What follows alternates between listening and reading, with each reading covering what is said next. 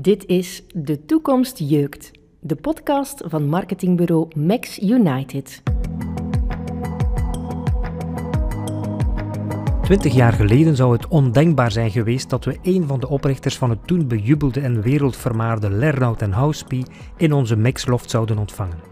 Er is een tijd geweest dat politici en CEO's er alles aan deden om in de nabijheid van Jo Lernout en Paul Housepie te komen. Ze waren de goden van de spraaktechnologie en kregen het vertrouwen en het geld van duizenden aandeelhouders. Van Bill Gates tot de slager om de hoek. Wanneer Jo Lernout vandaag bij ons aanbelt, zien we een vriendelijke en strijdlustige 70 die niet langer omringd is door politici en bewonderaars, maar wel door journalisten, die zijn reactie willen horen op het arrest dat deze ochtend werd uitgesproken en waarop bekend werd gemaakt dat Jo Lernout en zijn toenmalige medebestuurders 655 miljoen euro aan de schuldeisers moeten terugbetalen. Het kan verkeren. Toch nodigden we Jo Lernout niet uit om over het verleden te praten. In de toekomst jeukt kijken we vooruit. Kan iemand die reeds jarenlang aan de rand van de afgrond leeft nog wel dromen van de toekomst?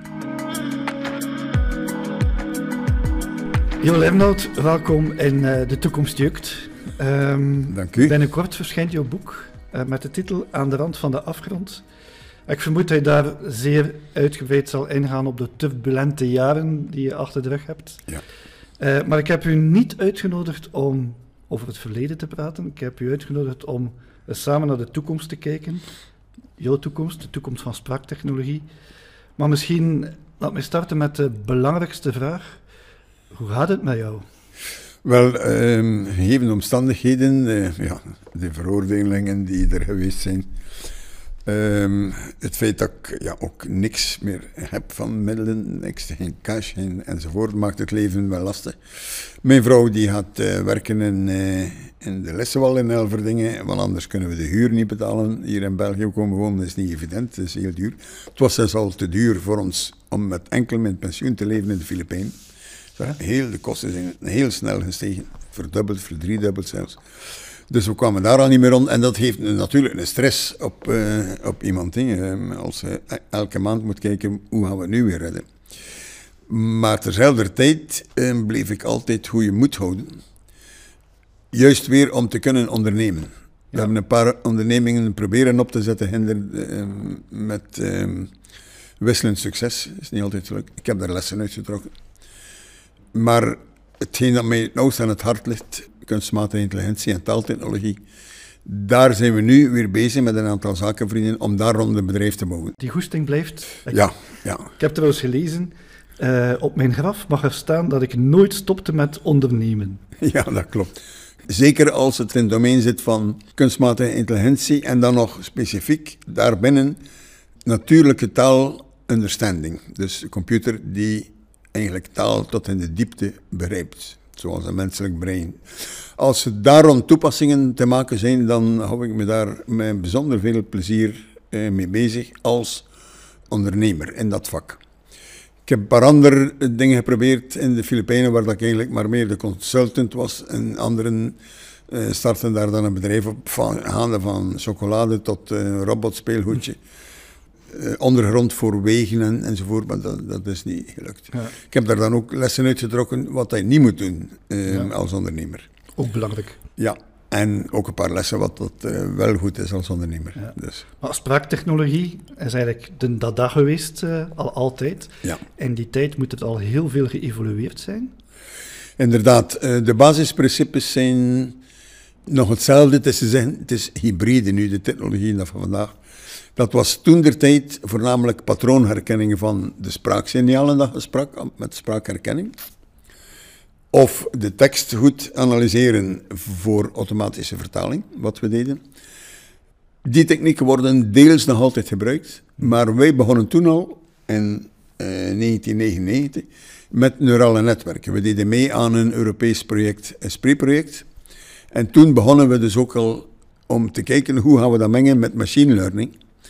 Want sedert die tijd, dus ik zeg over de laatste twintig jaar, is alles nu, of bijna alles, met machine learning, deep learning, kunstmatige neurale netwerken. Alles gebaseerd op enorme hoeveelheden data. Het eindresultaat is dat A, minder fouten maakt dan vroeger, B, veel duidelijker is en veel menselijker is qua spraaksynthese. En de foutenmarge in spraakherkenning is at par, zoals we zeggen, met, met de menselijke spraak en, en het menselijk oor. Ja. Dus op dat vlak is de technologie wel al geslaagd. In veel omstandigheden, wat dat je ook vraagt aan Google bijvoorbeeld, eh, het wordt begrepen. Ja. Er zitten hier en daar nog foutjes in, maar het wordt begrepen. Maar dus die spraaktechnologie, die nieuwe kennis die je verworven hebt, die zal ook een plaats krijgen in de nieuwe onderneming waar je momenteel Ja. mee bezig bent. Ja. En ik dacht dat dat met onderwijs te maken had. Ja, online education. Online education. Ja. Door corona is het duidelijk geworden welke sterke vlucht online education neemt, eh, uit noodzaak. Eh, maar er waren ook al duizenden pakketten op de markt om talen aan te leren online enzovoort. Al dan niet met een avatar die u een Engelse taal leert enzovoort. Eh, dat is allemaal mooi, maar het is niet immersief genoeg. Het is moeilijk om een taal te leren zonder een menselijke leraar voor u. Die u helpt bij de uitspraak en die interageert. En dus noods die u een keer meeneemt naar bijvoorbeeld, ehm, of die zijn klas meeneemt, om maar iets te zeggen, naar de zoo, om aan te duiden, kijk, in interactiviteit en immersief, ah, dat is hier, dat is, en, en dan in de taal die moet aangeleerd worden, dat is een olifant, of dat, enzovoort. Met de huidige online education pakketten lukt dat niet. Dat is toch te saai, het is tweedimensioneel, het is niet immersief. En het stoot af bij veel kinderen. Die, die vinden dat saai. Het is een herhaling van sommige saaie lessen in de klas. Jo Lernout blijft duidelijk gebeten door de spraaktechnologie.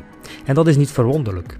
Vriend en vijand geeft toe dat de series van deze wereld hun ontstaan te danken hebben aan het brein van de man die hier vandaag bij ons zit. Maar is taal nog wel echt de uitdaging? Hoe zou het eigenlijk moeten zijn? En dat gaan we dus eh, programmeren. 3D om te beginnen. Augmented reality. Geen virtual reality, want je zet een bril op je hoofd en na een half uur zit je zeeziek. Eh, je ziet niks meer. Maar augmented reality, je ziet nog je eigen omgeving. Maar je kunt de leraar, die anders voor u in de klas zou staan, voor u op tafel hebben in een, als een hologram, bij manier van spreken. Ja. Dus je hebt al dat voordeel dat het een leraar is die voor u staat en geen cartoonachtige avatar. Het is hemzelf, want we deepfaken de leraar, of je kunt eigenlijk een deepfake nemen van iemand tegenwoordig en hem in 3D reproduceren, dat je het verschil niet meer ziet. Ja. Ja. ja. Dat is eh, eigenlijk de eigen leraar die vertrouwd is met de leerling of het kind, staat daar voor u als in een de avatar. hologramversie komt hij naast mijn Ja. bureau staan Ja, ja. en ik spreek met hem. Ja, en hij neemt u ook mee in een virtuele omgeving. Hij kan u meenemen naar een restaurant en zit bij wijze van spreken naast u aan tafel en leert u bestellen in de taal die je wilt aanleren.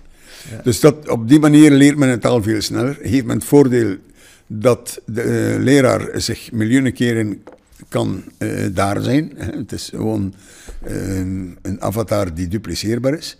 Hij kan dus aan miljoenen mensen tegelijk lesgeven, maar hij kan ze ook meenemen immersief naar een omgeving waar dat het veel beter is om een taal te leren door het echt te doen. Hè. Je leert iets bestellen, je leert, eh, ik zeg maar iets, eh, rondrijden in een taxi in Brussel. En zijn onvoorstelbare mogelijkheden, virtueel, Ja. die dus niks meer kosten, hè, want het is allemaal software. Ja, dat is nu heel erg toegespitst op talen leren. Ja. Waarbij dat we ook vaak horen, ja, we zullen geen talen meer moeten leren, want er zal misschien een simultane vertaling zijn. Dat komt er, maar het is toch niet voor de eerste 30 jaar, denk ik. Oké.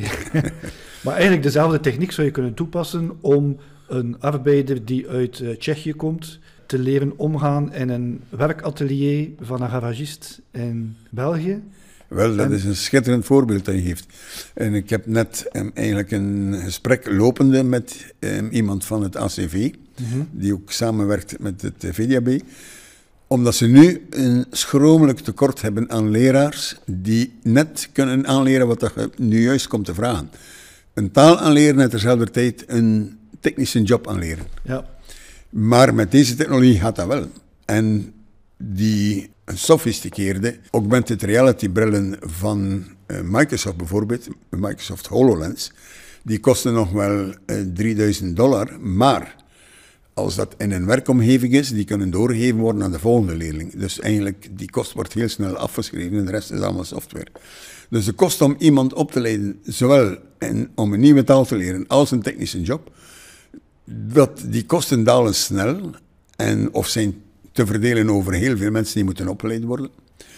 Maar bovendien vult het een tekort aan van leraars die nu niet bestaan. Er zijn geen leraars die zowel de technische job kunnen aanleren enzovoort.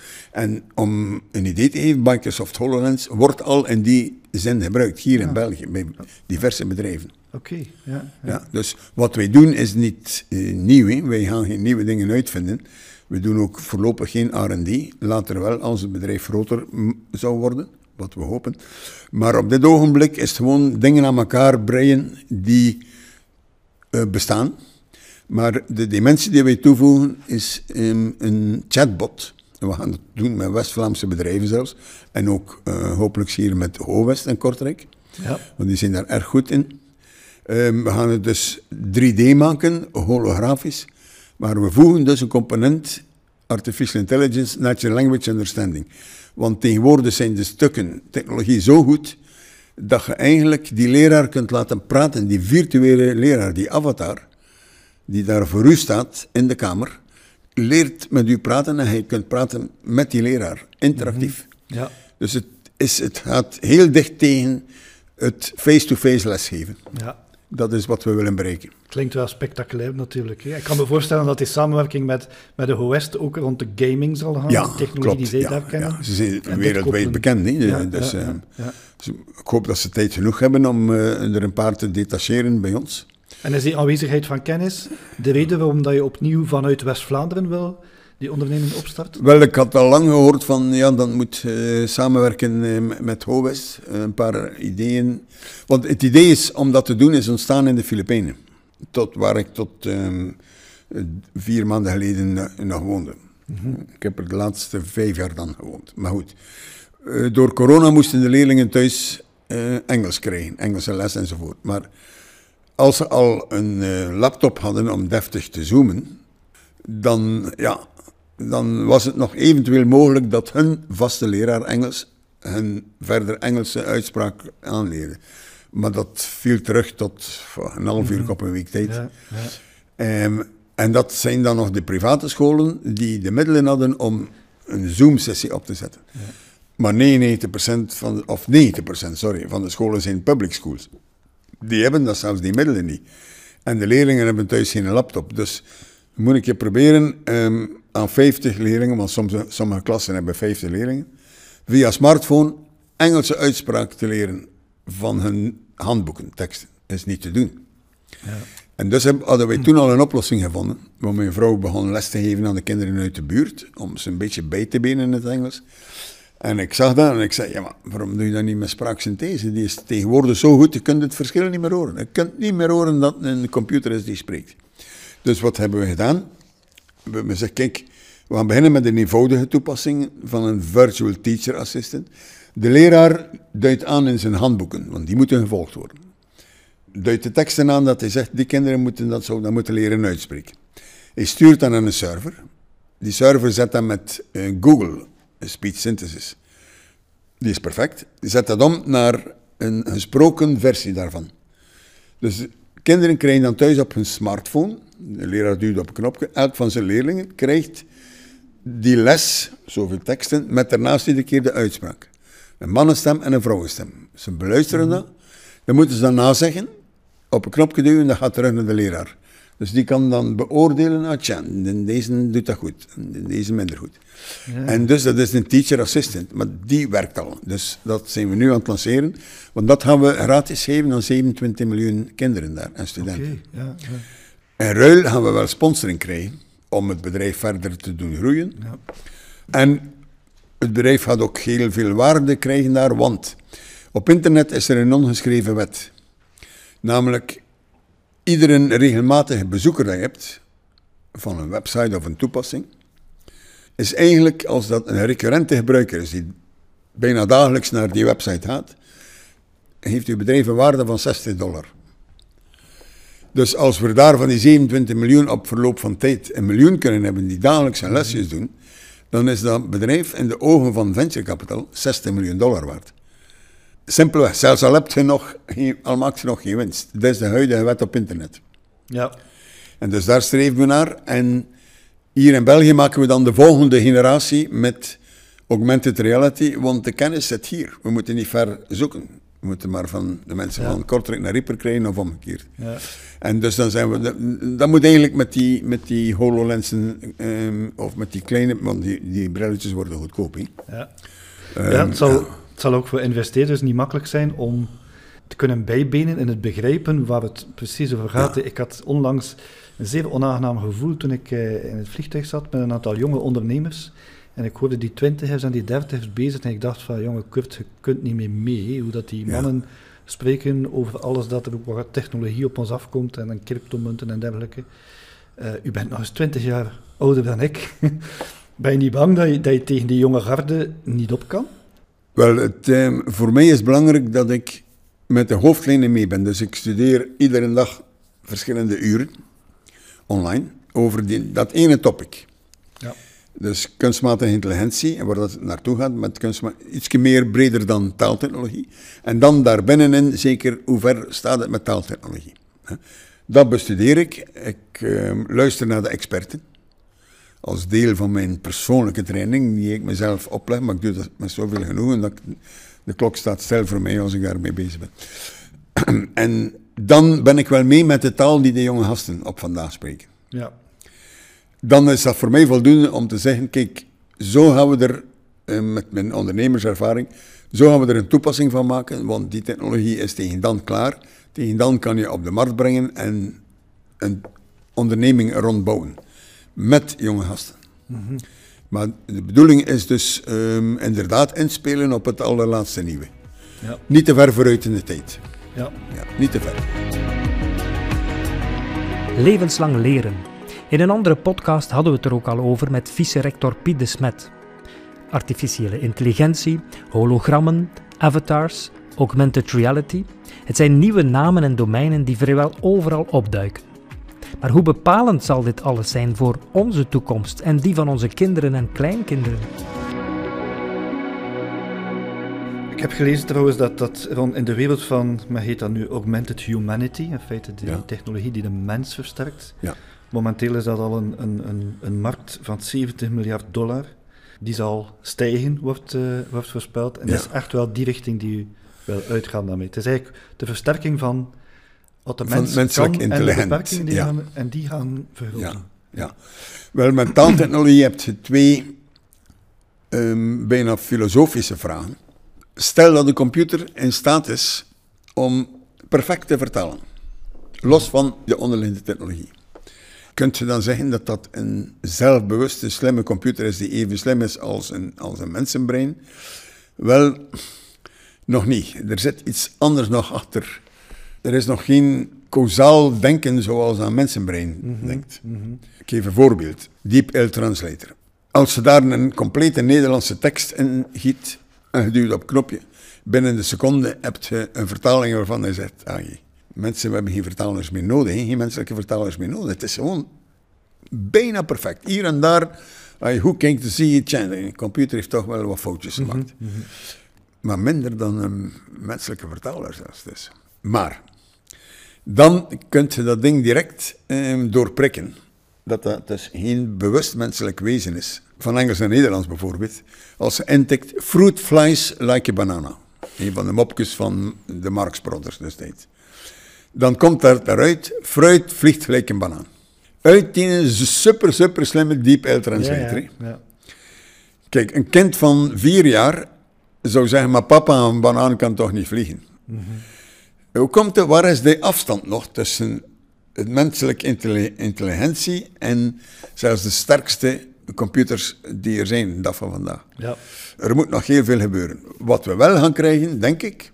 Ik bedoel, het zal onwaarschijnlijk zijn dat we echt causaal denkende computers hebben die zich afvragen als hun camera-ogen op de maan gericht zijn. Wat is dat ding? Ja. Waarom draait het daar iedere avond in een bepaalde richting? En, want menselijke intelligentie, 4.000, 5.000 jaar geleden, de Griekse filosofen stelden zich why. Dus op vandaag kan een computer de echte W-vraag, dus why, when, hoe, nog niet beantwoorden, zoals een mens die kan beantwoorden. Dus die, die intelligentie zit daar op vandaag nog niet in, ondanks de fantastische resultaten die je ziet eh, op allerlei domeinen. Medische diagnose, noem maar op, patroonherkenning, stemherkenning en, enzovoort. Toch is het nog een lege doos, zit er niks onder de motorkap. Kunnen beginnen filosoferen, wat is zelfbewustzijn? Volgens de ene, Kurzweil en Dennett en noem maar op, is het gewoon een illusie die ontstaat uit de samenwerking, samenspel van onze neuronen. Neuronen volgens anderen, onder andere zelfs Paul Hospi, is er nog veel meer buiten ons schedeldak. Het wordt zelfs filosofisch, maar je kunt toch al zeggen dat een aantal taken kunnen alleen door mensen uitgevoerd worden, omdat wij als mensen causaal kunnen denken en de wie-vragen, de w-vragen beantwoorden, wie, waar, wanneer, wat de computer nog altijd niet kan. En de vraag is of dat, dat zal kunnen met meer kracht in de toekomst. Ja. Dat is erg de vraag door puur patroonherkenning. Want wij moeten niet lang naar school gaan, zelfs nog niet naar de kleuterklas geweest zijn om te weten dat een banaan niet kan vliegen. Ja. Dat is dus één richting of één antwoord op, op uw vraag. Waar gaat dat naartoe? Wel, ik zou durven stellen, in de eerstkomende 20, 30, 40 jaar gaat dat probleem nog niet oplossen. Er zullen nog altijd, volgens Kai Folie en nog veel anderen, nog geen zelfbewust denkende computers zijn die op een gegeven moment zouden kunnen beslissen van het mensenras moet hier uitgeroeid worden, want het is een nutteloze bagage. Ik zie het niet zitten, maar moet daarvoor dus heel veel dingen lezen. Literatuur van de niet-Kurzweil en de niet-Dennett-wetenschappers. ja. Maar er verschijnt heel veel op dat domein momenteel. heel veel voorspellingen. Heel veel voorspellingen, uh, ja. Het boeit mij ook. Maar, sorry dat ik nog onderbreek. De tweede punt is wat dat we wel gaan worden. Want daarvoor moet je geen zelfbewust denkende computer zijn. moet alleen zeer goede nanotechnologie hebben en sensoren. Is dat wij hybride worden. Mhm. Wij worden cyborgs. Dat is, een, dat is een zekerheid. En hoe lang dat nog gaat duren, niet. er zijn al brain-computer interfaces die gedachten van iemand kunnen uitlezen en ehm, het komt op een computerscherm. Ja. Um, dat wordt uh, spannend. Dat wordt spannend. Geheugen uitlezen, dat je kunt overplanten van het ene varken zoals dat ehm, eh, een bepaald geheugen en een trainingsmodule die een varken ondergaan heeft, wordt over geplant met nanotechnologie, een brain-computer interface, op een ander varken dat onmiddellijk die kennis heeft. Ja. Uh, zoals Elon Musk gedemonstreerd heeft. Ja. Dus hybride hersenen, waar dat wij, zoals een van uw beginvragen, dan iets denken in één taal en we kunnen het uitspreken in een andere taal, dat is mogelijk. Want je hebt maar af en toe een keer zelfbewustzijn nodig om goed te kunnen vertalen of om goed te kunnen ontleden wat iemand zegt of om een redenering te volgen. Maar goed, dat speelt zich af in onze eigen computer, bij manier van spreken. Maar de veruitwendiging daarvan is gemakkelijk af te tappen. Mm Dus er moet niks miraculeus gebeuren, vooraleer dat we dus eigenlijk gaan kunnen, zelfs telepathisch denken. Ja. Wat je denkt met je intelligentie is aftapbaar en kan overgezeind worden naar mij. Puur op als een soort telepathie. Daar is niks mysterieus aan. En dat zal dus ook gebeuren. Ja, dat wordt, dat wordt boeiend. We hadden hier een tijdje terug uh, professor Matthias de Smet op bezoek. Ja. Uh, en die zei mij, toen we het hadden over zelfrijdende auto's en, en die nieuwe technologieën, die zei, ik, weet, ik geloof daar niet in dat ooit een van die systemen perfect zal zijn, zolang dat ook maar op één klein facetje de mens eraan te pas komt, dan kan het niet perfect zijn. Omdat de mens, volgens zijn zijn filosofie, een complex en dynamisch systeem is ja. dat onvoorspelbaar reageert op een aantal, op een aantal zaken. Ik vind het een boeiende gedachte, omdat uh, ja, ik, ik, had het ook eens gelezen, als, als u met, met Paul uh, Houspie praat, jullie praten niet over het verleden, jullie praten over die thema's eigenlijk. Die thema's, ja. En het thema dan, als we het dan hebben als mens die, die, die een beetje onvoorspelbaar is, een van de zaken, ter voorbereiding ook van dit interview, die mij, die mij wat opviel de voorbije weken was het element uh, hebzucht. Ja. Um, ik hoorde onlangs uh, iemand vertellen die uh, haar auto had verkocht om bitcoins te kunnen kopen. Dan denk ik van, waarom doet iemand dat? Maar als ik dan kijk, twintig jaar geleden, het verhaal Leonard en Houspie, zagen we ook mensen die een hele hebben en houden verkochten om aandelen te kunnen kopen. Ja. Dat stukje hebzucht, ehm, is dat iets dat je ook bezighoudt? Van waarom doen mensen dat? Waarom gaan mensen zo ver om ja, easy money te verdienen? Um, ik vind dat. Um, ik vind dat eigenlijk geen hebzucht en ik blijf dat ondersteunen. Dat mensen zeggen: Kijk, ik geloof daar nu zo sterk in dat dat alleen maar de hoogte kan ingaan. Dus ik verwetter alles op. Die nemen een bewust risico. Is dat hebzucht? Wel, het, is, het kan ook verstandig inspelen zijn op iets. Ik bedoel, als uh, in de tijd wat aandelen gekocht had van Apple, helemaal in het begin, en daarvoor je huis verkocht had, ja, dan bezat je nu een, een, een compleet eiland, bij manier van mhm. spreken. Mm -hmm. Dus het is gejustificeerd en het steunt de economie, want het brengt um, middelen in, onder vorm van waarde van aandelen of directe cash in het bedrijf, waardoor dat een bedrijf eigenlijk zijn stoutste dromen kan uitvoeren. Ik vind het dus gerechtvaardigd. Het mag voor die, dat soort hebzicht mag er zijn. En trek je dat door ook naar wat mensen nu doen voor bitcoin, die eigenlijk helemaal virtueel is? Dat is niet, ja, dat is niet een bedrijf of zo? ja, ja, want um, ja. een virtuele wereld, de metaverse, waar Zuckerberg het altijd over heeft nu, en zijn bedrijf herdoopt heeft tot Meta, um, die komt er sowieso, daar moet je niet aan twijfelen. Mm -hmm. Dus eigenlijk, of dat we nu een creditcard bezitten met een bankrekening of virtueel geld, als je er zaken mee kunt doen, er is in essentie geen verschil. Mm -hmm. um, zoals een metaverse waarbij dat er een virtuele leraar voor u staat, maar die uw leraar is die uw les heeft. Het komt op hetzelfde neer als dat je elkaar persoonlijk zou zien. Ja. Mm -hmm. Er zijn maar weinig dingen dat je dan niet meer dat je dat niet kunt doen. Je kunt elkaar niet aanraken enzovoort. Maar ja, ook dat verandert nog in de toekomst. Grote persoonlijke risico's nemen door volop in een bedrijf of bitcoins te investeren, ziet Jo Lernout niet als een vorm van hebzucht. Het helpt de economie vooruit. Maar wat doet het met de mens? Ik ken eigenlijk weinig mensen die zo'n turbulent parcours hebben afgelegd als u. Van het grootste succes tot uh, ja, het diepste dal, van grote rijkdom tot, ja, ja. tot uh, grote armoede. Het maakte me wel een beetje benieuwd. Op welk moment in uw leven hebt u zich het gelukkigst gevoeld dan? Um, hier moet ik even over nadenken. Kijk, ik ga het zeggen zoals dat, het, dat ik het zelf altijd aan. Ik ben nooit meer helemaal gelukkig geworden. Omdat het draagt dat drama mee dat heel veel mensen door ons optreden, al bedoelden we het niet zo. Het bedrijf is door anderen opzettelijk kapot gemaakt. Daar kunnen we het op een andere keer over hebben. En zeg ik het ook in mijn boek. Maar wij hebben nooit de bedoeling gehad van we gaan ons hier verrijken. En dat al die aandeelhouders tampie als het verkeer gaat. Wij zijn rijk en zij zijn hun geld kwijt. Dus dat soort um, doortrapte fraude hebben wij zeker niet gepleegd. Mm -hmm. Paul niet, ik niet en niemand niet in het bedrijf. Maar toch draagt hun morele schuld mee van, we hadden beter moeten op ons stellen letten toen dat we militair kritische technologie kochten, zoals dictafoon en dragon enzovoort. Dus wij hebben op zere tenen getrapt, Hinder, en op uh, de tenen van Uncle Sam trapt hij niet onbestraft. Mm -hmm. Dus we kochten die dingen van hen, omdat ze geloofden, de eigenaars zagen in één keer veel geld. En wij kochten dingen die militair kritisch belangrijk waren, zoals Dragon en Dictafoon, en heel veel vertaalbedrijven, die rond het Pentagon lagen. Wij kopen dat allemaal. En in hun ogen, zij het allemaal gesponsord, twintig jaar lang, omdat het belangrijke technologie was voor hun doeleinden, defensiedoeleinden. En dat gaat allemaal naar Ieper. Waarbij dat ze zelfs zeiden tegen die vroegere eigenaars, die het ons kwamen zeggen, uh, what the fuck did you think to sell your company to those two Belgian assholes? Quote. Dus dat is een morele fout van daar toen niet op letten. Alhoewel dat we zelfs verwittigd waren door de Duitse spionagediensten van koop dictafoon niet.